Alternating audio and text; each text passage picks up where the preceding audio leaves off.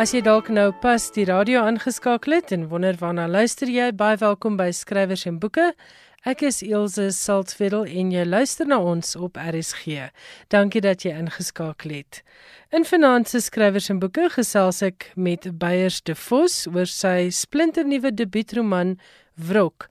Ek gesels ook oor 'n baie interessante nuwe fiksieboek wat verlede week bekend gestel is in Pretoria. Dit is James Stein se Steinhof en die Stellenbosse Boys, 'n baie interessante byvoeging tot die groeiende nuwe-fiksie genre in Afrikaans. En dan het ek ook in ons argiewe gaan krap vir 'n ou onderhoud met die baie bekende skrywer F.A. Venter, want Protea Boekehuis het in die laaste paar maande nie minder nie as 5 van F.A. Venter se boeke herdruk. Dit dan waarna jy vanaand kan uitsien in skrywers en boeke. Ons skop af met ons debuutskrywer, Beyers de Vos. Beyers is 'n joernalis en draaiboekskrywer in Kaapstad en het pas gedebuteer met Wrok wat ook in Engels beskikbaar is as Talien. Een van Beyers se artikels is ook voorheen benoem vir die Gerald Kraak toekenning. Kom ons hoor wat sê hy oor sy debuutroman Wrok.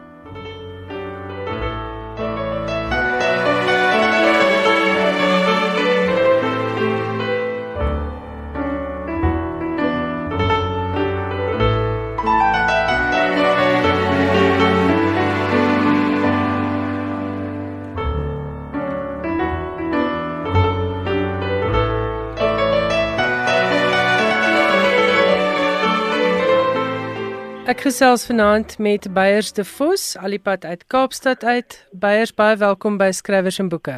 Baie dankie. Baie lekker om te wees. Ek gesels met jou oor jou debuutroman Wrok en ek moet vir jou sê ek het baie lekker gelees daarin. Ek's baie beïndruk daarmee.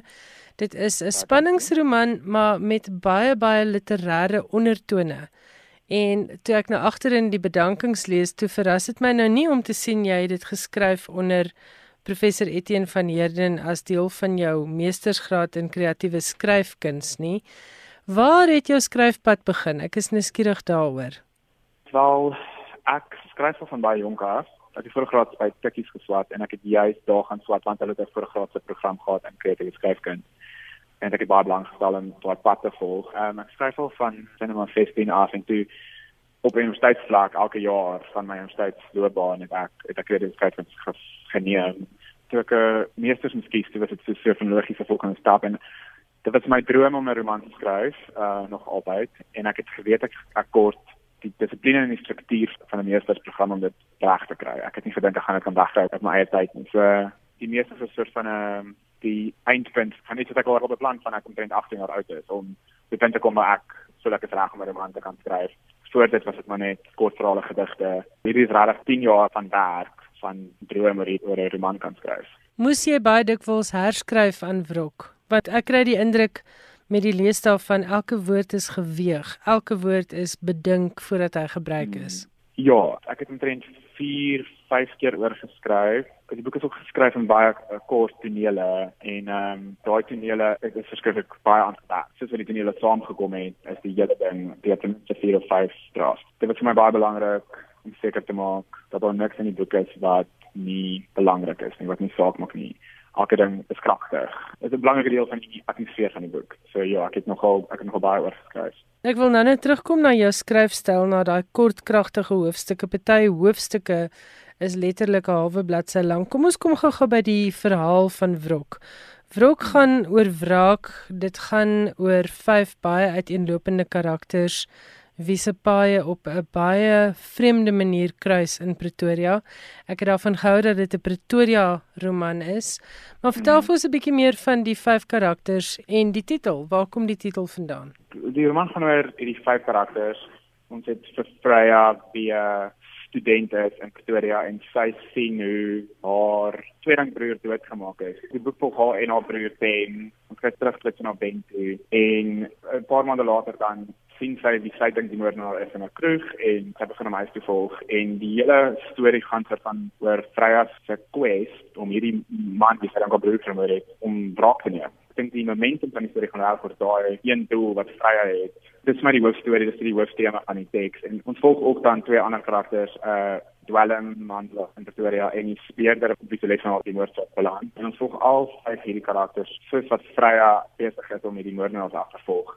Omdat daai vir my die kern van die roman is, wat vrou so van die eerste titel wat sin gemaak het. Ek het die boek eers in Engels geskryf. Die Engelse titel is Italian law of Italian, the Latynse wet wat beteken kant vir kant en vir oor. Ek wil terugkom na jou kort hoofstukke. Wat het jou laat besluit op dit? Is my eerste vraag en my tweede vraag, het jy dit kronologies geskryf of het jy elke kort hoofstukkie geskryf wanneer jy daardie inspirasie gehad het en dit alles later saamgevoeg tot 'n groot geheel? Ek sluit aan by elke karakter op 'n spesifieke dag in 'n spesifieke oomblik van daai dag waar hulle besig is met iets spesifiek en jy kry net die konteks van wat hulle besig is om in daai oomblik te doen en aan te dink dan die hele storie saam te weer en dit baie kort stukkies inligting wat jy kry uit ander karakters se perspektief. Dit is vir my die interessante manier om die puzzle te bou. As jy net daai karakters perspektief in daai oomblik kry of net weer 'n karakter in daai oomblik dink, hoe jy dan al daai inligting aan mekaar sit vir die boek verloor. Dit gee vir jou 'n manier van die moord, die mystery en, en die puzzle te beheer. Ek het dit glad nie kronologies geskryf nie. Ek het ses of sewe punte van die boek op een slag gewerk. Daar was sekere tonele in die boek wat ek geweet het vir die storie om te werk om te wees. So daai tonele wat ek altyd nou besig met om te daar. Vir die res het ek soort van net geskryf soos wat ek baie karakters leer ken het. So van vrye se tonele was baie vroeg klaar geskryf en ek het ek het baie meer daaroor geweet. Maar nou was dit die speerder haar tonele byvoorbeeld het dus baie later bygekom. So ek het die hele tyd aangepas en die hele tyd tonele rondgeskuif tot op die laaste net bietjie wat baie tonele wat een en weer geskryf het in die boek wat ek nie seker was waar hulle presies gaan werk. Jou eie literêre invloede, wie lees jy en het jy gelees tydens die skryf van hierdie boek want baie skrywers sonder hulle self as dit ware af van van lees en skryf nie. Dit is interessant dat jy baie gelees voor ek die boek geskryf het. So ek het byvoorbeeld baie kyk Atkinson gelees by Gillian Flynn, Paula Hawkins, mense wat soort van in dieselfde genre as ek werk of wie sou stories ek interessant gevind het en toe ek begin skryf toe al op lees want ek vind dit is moeilik om jou eie styl te hou as jy ek ten minste wil outomaties net genoem maak sodra ek hulle begin lees. So ek het toe uh, heeltemal myself afgeskryf en ek het in 2 jaar vlak gelees. En toe ek die boek begin vertaal, interessant genoeg, so vir die Engels stuk glad gelees, maar toe ek die Afrikaans begin skryf, het ek weer begin lees net om net om terug te kom in 'n soort van Afrikaanse manier van van werk. So dit ek dit ek nog baie Afrikaans begin lees, baie ek vertaling gedoen het. Ek lees baie baie ek sal lank enige literêre fiksie. My groot invloed ek sê International Dickens, wat is my gunsteling skrywer. Ek het baie oomblik besig om die boeke langer te werk en ek het dit om op te maak vir al die lees wat ek nie gedoen het nie. Ek het gesels met Beyers de Vos oor sy debuutroman Wrok. Dit is in Engels beskikbaar as Talion en beide boeke word uitgegee deur Penguin Random House. Jy luister na skrywers en boeke, jou belangrikste bron oor Afrikaanse boeke. Ek gesels nou weer met James Brent Stein. Ons het in Desember met hom gesels oor sy boek Hartebreker wat gegaan het oor die lewe van professor Chris Barnard.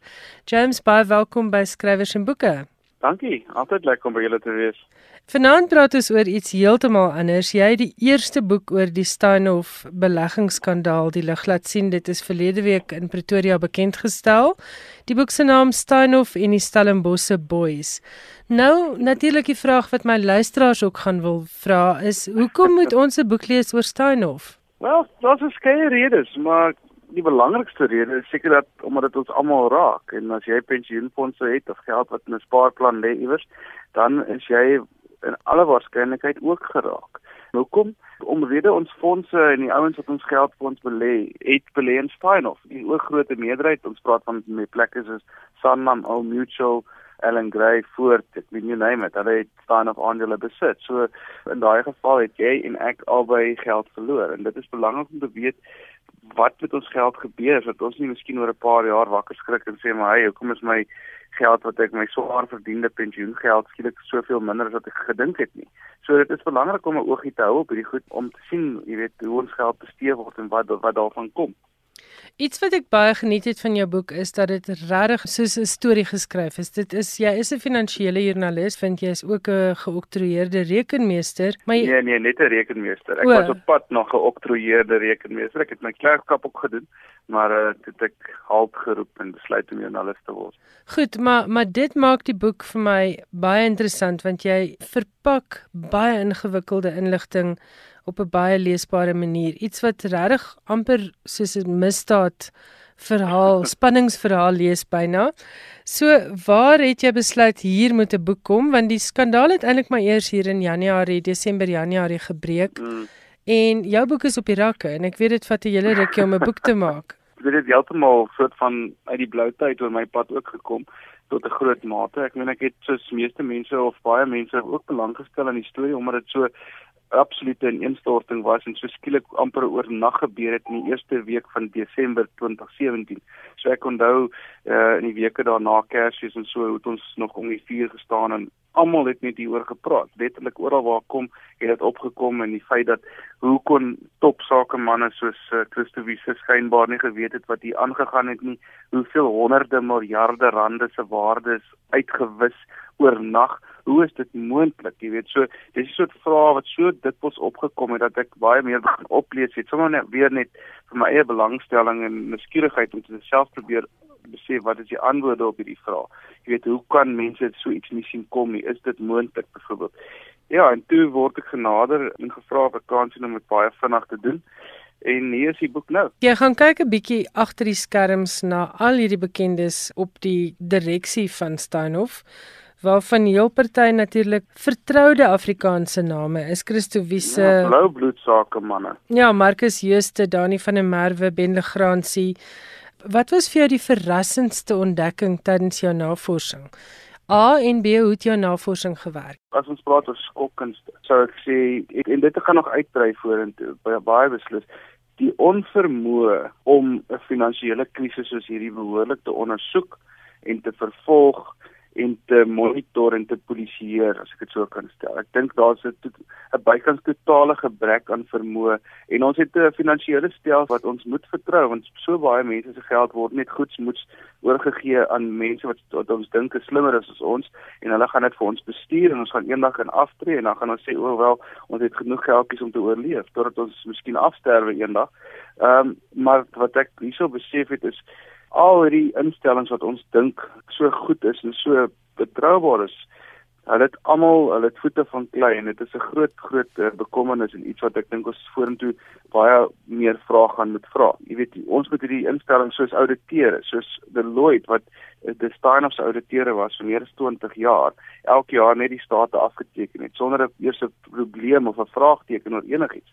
Hier is die ouens wat vir ons as beleggers vertroue gee dat ons geld goed opgepas word. Maar die feit is skynbaar is dit nie die geval nie. En hoeveel ander instellings, maatskappye is daar waar daar moontlik soortgelyke probleme is en niemand is bewus daarvan nie. En dis die ander skokkende ding wat ek dink die vraag wat ek het wat wat opkom. Hoe het ek my navorsing gedoen? Wel, ek het uh, my navorsingsassistent weer ingespan. Dis 'n dame wat my help en uh van die van die voetwerk vir my doen want ek het 'n voltydse werk ook so dit is bietjie moeilik om by van die goed uit te kom. Grootliks uh, onderhoude telefonies en per e-pos gedoen. Die moeilikste deel van die skryf was om mense te kry om met my te praat want dit is 'n sensitiewe saak omdat dit nog voortsleep en so baie mense bekommerd is oor hulle skynbare betrokkenheid al dan nie. So ja, dit was die moeilikste ding is om daai bronne te ontwikkel, maar as dit eers begin dan gaan jy weet een lei gewoonlik tot 'n ander een wat met jou sou praat en en dit het op, op die einde van die dag gelei dat ek tot met meer as 80 mense in vier lande gepraat het en gekommunikeer het. En dit het jy weet ek dink bygedra dat dit dat ek 'n komplekse saak veral wat agter die skerms gebeur het, bietjie kon uitpak vir die gemiddelde leser. Goed, dit was James Brentstein. Ons het gesels oor sy boek Steinhof en die Stellenbosse Boys. Dit is my nuwe fiksieboek van die week. Ek sou dit aanbeveel vir enigiemand wat belangstel in die huidige skandale in die beleggingsbedryf, maar ook sommer net vir iemand wat lus is om 'n slag iets baie interessant in Afrikaans te lees, baie lekker verpak en nogal regtig 'n interessante boek. Baie geluk daarmee, James. Ag baie dankie Hilde en ja, dis daar's baie stories oor die perdry wêreld en oor uh, ryk manne met mooi karre en girls en so aan. So dis nie net 'n finansiële Nee, dis dit is ook 'n bietjie van 'n kykie agter die skerms en 'n leefstyl waarvan die meeste van ons maar net kan droom en wat eintlik gewoonlik net in Hollywood uitgebeeld word. ja, absoluut. Ek hoop mense lees en geniet dit. Dit was James Stein. Ons het gepraat oor sy boek Steinhof en die Stellenbosse Boys. Dit word uitgegee deur Lapa Uitgewers. Nou is dit tyd vir so 'n stukkie musiek. Ek wou by Beyers de Vos weet of daar enige spesifieke musiek is wat hy gebruik het as klankbaan vir sy roman Wrok en hy het toe nou vir my verwys na al die musiek wat hy geluister het tydens die skryf van die dele oor Freya, die een hoofkarakter in Wrok en hy het genoem dat hy baie van sy studente musiek herluister het, onder meer musiek van Polisiekar, Devils Fantasties en Counting Crows. Soos genoem het Protea Boekehuis onlangs 5 boeke uit die pen van F.A. Venter, een van die groot meesters in Afrikaans heruitgegee. Dit is die vierluik geknelde land, offerland, gelofte land en bedoelde land. En dan so 'n uh, rukkie terug het ek dalk genoem, ek kan nie onthou of ek dit in die program genoem het nie, maar 'n baie besonderse biografiese boek uit die pen van F.A. Venter, Die keer toe ek my naam vergeet het, wat hy geskryf het na sy beroerte. Hier is dan die beloofde argiefonderhoud. Die program waarin dit destyds uitgesaai is, was Goeie Hoop se besoekersboek en die aanbieder is Jan Silje.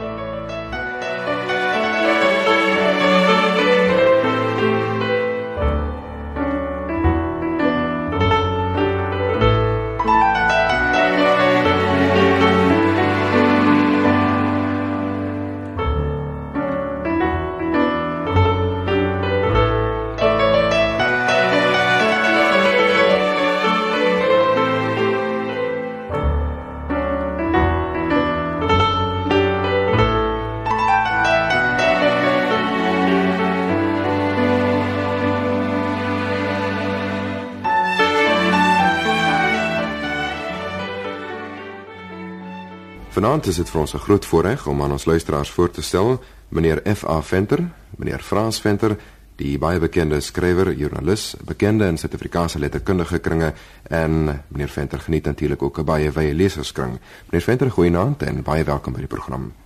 Goeienaand, ja. Nou uh, ons val weg in jou gewone ou manier en ek vra vir u om vir ons te vertel waar is jy gebore en groot geword en uh, vertel vir ons iets oor die jeugjare.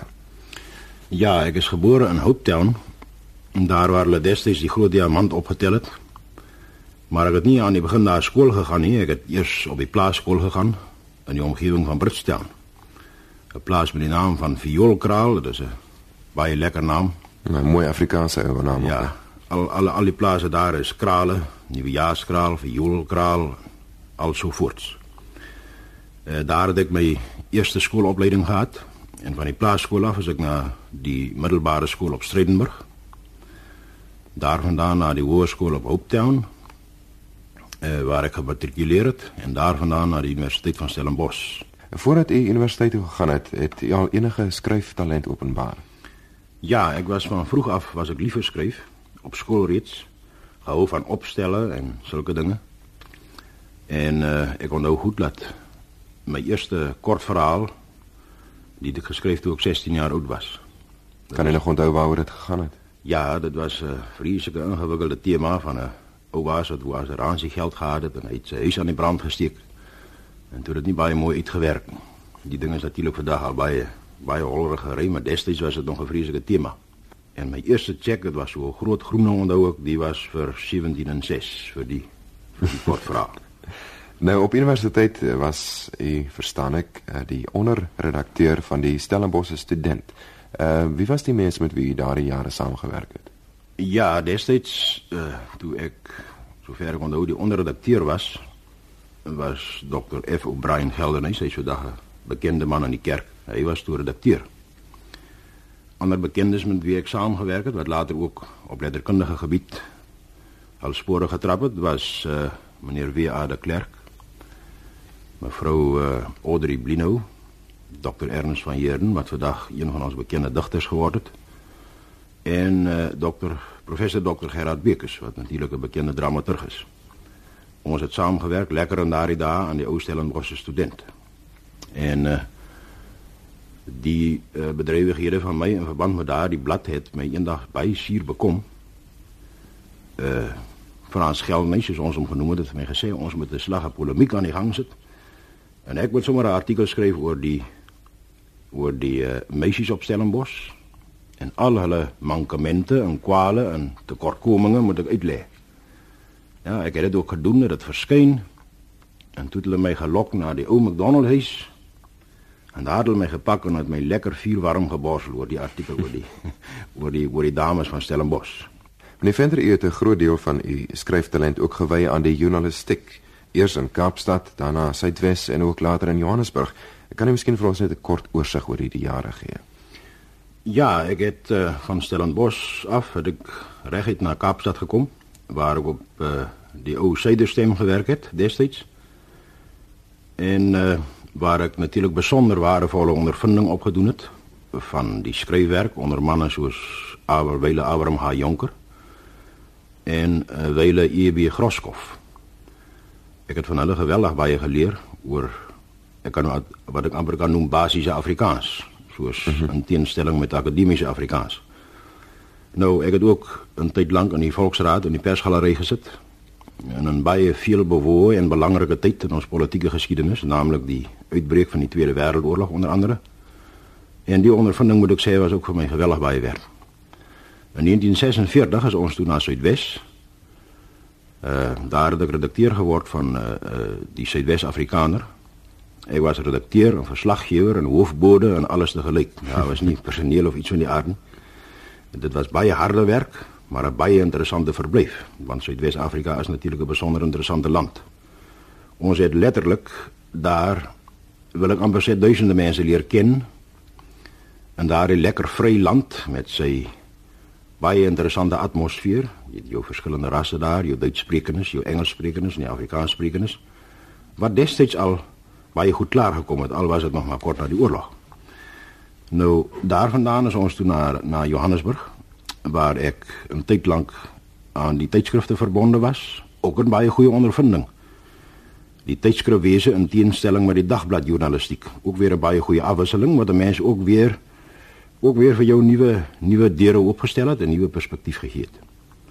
Daar het ons gewoon tot in 1960 toe ons uh, verhuis het na die plaas.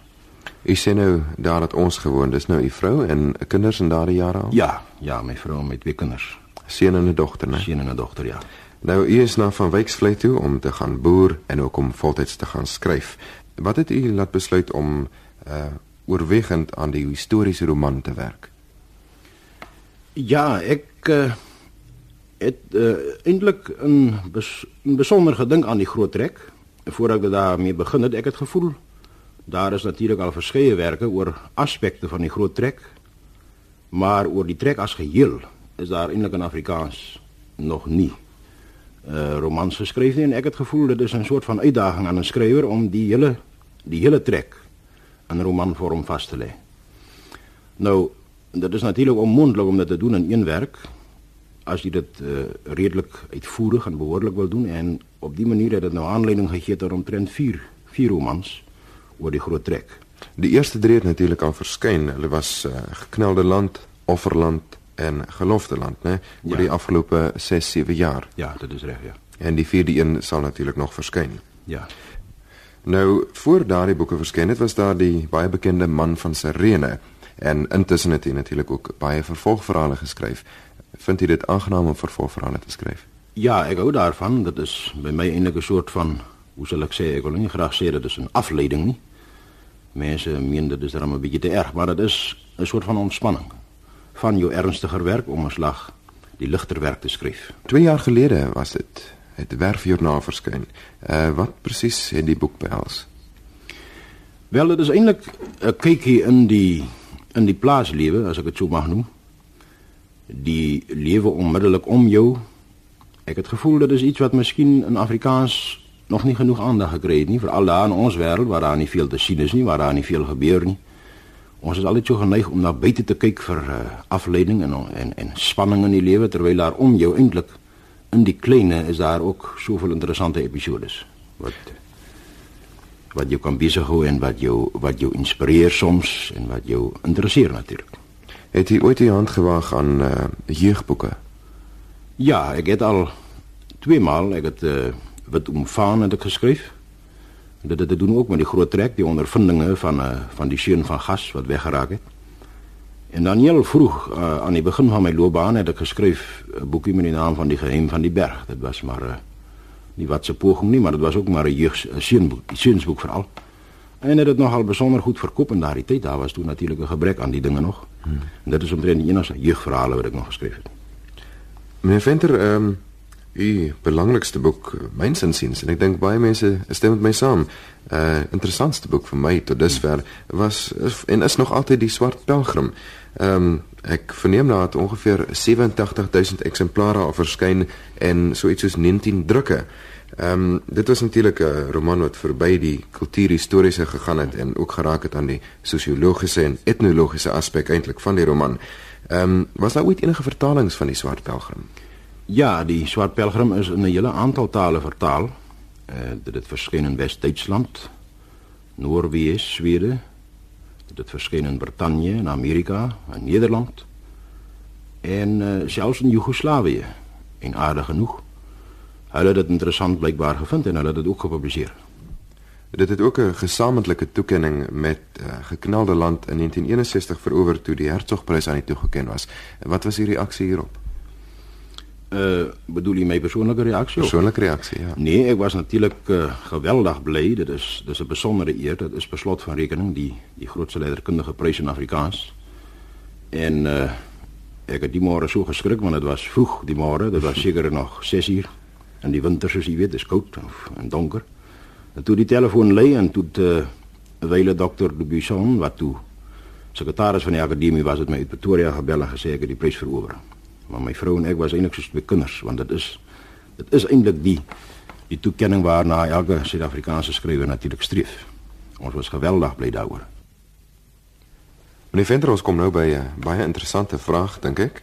Ehm um, ek wil graag hê u moet vir ons u mening gee oor die hedendaagse Suid-Afrikaanse letterkunde en miskien ook net so ietsie oor die 60er beweging. Wat dink u daarvan? Ja, dit is eintlik 'n moeilike vraag. Dit is 'n vraag wat baie behels. Die hedendaagse Suid-Afrikaanse letterkunde is natuurlik redelik wydlopend, soos u weet. Maar ek dink tog 'n mens kan dit hoofsaaklik in twee kategorieë indeel wat ons kan noem die konvensionele letterkunde waar die roman nog sy normale vorm het soos ons nog altyd maar geken het. En dan aan die ander kant natuurlik wat nou bekend geword het as die 60er beweging, die nuwe beweging onder onder 'n aantal jonger skrywers waaronder natuurlik veral Etienne Leroux en uh, André P Brink die twee vernaamste eksponente is.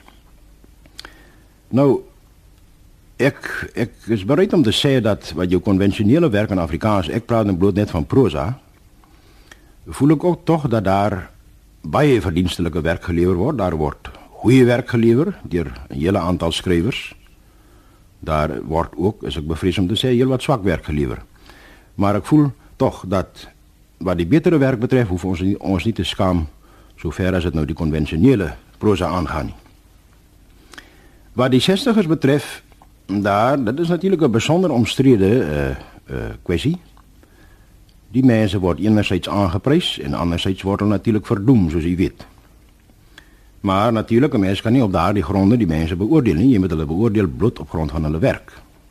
En as jy nou vir my my persoonlike mening vra, dan is, dan is ek bereid om te sê dat ek persoonlik nie veel van die werk hou nie. Maar natuurlik by elke mens is daar persoonlike vooroordeel teen bepaalde werk. Die 60ers het natuurlik 'n uh, heel nuwe grond betree, soos u weet, nie alleen wat die vorm van die roman betref nie, maar ook wat uh, wat die siening van die mens in die lewe betref. En miskien is my uh, vernaamste beswaar teen hul werk dat dit vir so baie mense onverstaanbaar eintlik is. En ek vind dit jammer. Ek voel dat die kunstenaar moenie afgeskei wees van die volk nie, hoewel ons natuurlik nie kan sê dat die die kunstenaar vir almal almal in die volk moet skryf nie. Natuurlik dit spreek van self, dit kan nie gedoen word nie. Die kunstenaar, die skryf soos hy sake sien en die, die kunstenaar soos gesê word is natuurlik soewerein. Hy skryf soos hy wil. Maar ek vind dit tog jammer soos ek sê dat die onverstaanbaarheid van die 60ers hulle tot groot hoogte afskei van die volk. Sou jy sê dat die onverstaanbaarheid lê in uh, miskien die feit dat die skrywers uh, die volk vooruitloop of dat die volk uh nog nie tot daardie punt ontwikkel het dat hulle dit wel kan verstaan nie. Ja, ek de ek voel dat dit is eintlik daarin geleë dat die 60ers natuurlik met 'n heel nuwe metode kom, soos jy self weet. Hulle vertel nie byvoorbeeld 'n verhaal soos ons nou gewoond is nie. Hulle hulle beeld nie eintlik karakter uit nie. Hulle werk eintlik meer met begrippe en ideeë en die die die metode is eintlik vir ons mense baie vreemd.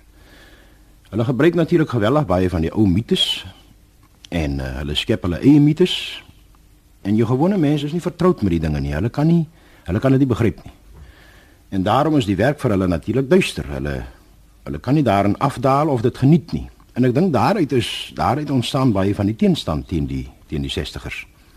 Nou ek sal natuurlik die laaste een wees om vir 'n man te probeer voorskryf hoe hy moet skryf, maar 'n mens voel tog as hulle die mense is geweldig diepsinnig, die 60ers, hulle sien dinge glad op 'n nuwe nuwe manier.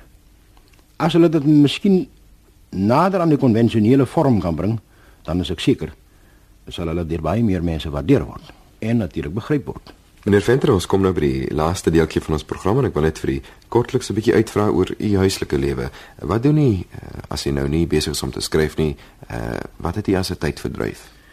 Wel ek speel baie graag tennis en uh, ek speel 'n bietjie skaak solank my teenstander net nie te sterk is nie. Ek kan nie skaak en tennis baie en dan ek lees natuurlik geweldig baie. Dit is vir my dit is vir my werklike ontspanning. Vind jy dat uh, baie van die tyd in beslag geneem word met navorsingswerk uh, wat jy dan later verwerk in u romans? Ja, ja tog. 'n Mens moet maar vir elke roman moet jy maar heel wat navorsing doen. En heeltemal afgesien daarvan moet 'n mens daarom redelik op hoogte probeer bly. Jy moet jy moet op hoogte bly met hedendaagse letterkundige strominge met die gevolg dat 'n mens heel wat romans moet lees, veral natuurlik moderne goed. Uh oorseese romans en jou eie landse romans, soos byvoorbeeld die 60's waaroor ons net oor gepraat het. As 'n mens wil saamgesels oor die mense, dan moet jy dan ten minste weet wat hulle skryf en wat hulle sê en hoe hulle dit sê. Uh dit is omtrent die enigste tyd verdryf wat ek het. Uh ek is redelik lief vir tuin maak ook en vir stap. Ek stap graag rond, veral hier in die Boland, sal ek sekerlik kom lekker stap as 'n mens nou later hier gevestig is. Ja, ek uh, verneem u is van plan om te verhuis hier na die strand toe. Ja. Uh, is daar enige rede agter die verhuising? Ja, ek is bevrees uh, daar waar ons nou woon in die Karoo, daar word dit geweldig warm in die somer. En uh, my vrou se ge gesondheid pas nie by uh, pas nie lekker aan daarbey nie. Die hitte is vir haar net eenvoudig te veel en ons het nou 7 jaar probeer om maar die beste van die saak te maak. Maar ons het nou ingesien dat ons moet 'n verandering dit kan nie anders nie. Dit was dan Jan Silje wat gesels het met FA Venter in die program Goeie Hoop se besoekersboek. Die program is uitgesaai in 1967 en net so 'n stukkie ironie wat ek daar raak geluister het.